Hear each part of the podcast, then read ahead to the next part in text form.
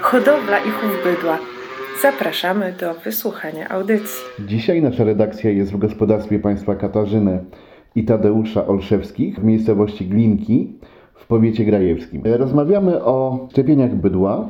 W tym gospodarstwie szczepienia e, rozpoczęto na początku XXI wieku i zdarzyła się sytuacja, że hodowca miał udokumentowane, jaki wpływ mają one na kondycję stada. Jak to było, panie Tadeuszu? Od IBR-u i od BVD z- z- zaczęliśmy stado szczepić e, po wybudowaniu nowej obory praktycznie, czyli gdzieś tam w 2001 roku i szczepienia trwały przez e, 7 lat. Po tych 7 latach stwierdziłem, że szkoda pieniążków, no bo to, to jednak są to kosztowne sz- szczepienia. Za- Zaprzestaliśmy tych szczepień i nie ukrywam, że po 5 latach bez szczepień zaczęło w głowie świtać, a w siedmiu latach wróciliśmy do szczepień ze względu na status zdrowotny stada, czyli rozród, zdrowotność y, potomstwa, zdro- zdrowotność cieląt i przede wszystkim na somatykę, wzrost somatyki w mleku handlowym, w mleku sprzedawanym do, do, do mleczarni. Czy po powrocie do szczepień zauważył pan poprawę? Tak, ale trzeba było na to poświęcić jeszcze około półtora roku, żeby stwierdzić, że y, to nie były pieniądze wyrzucone w błoto.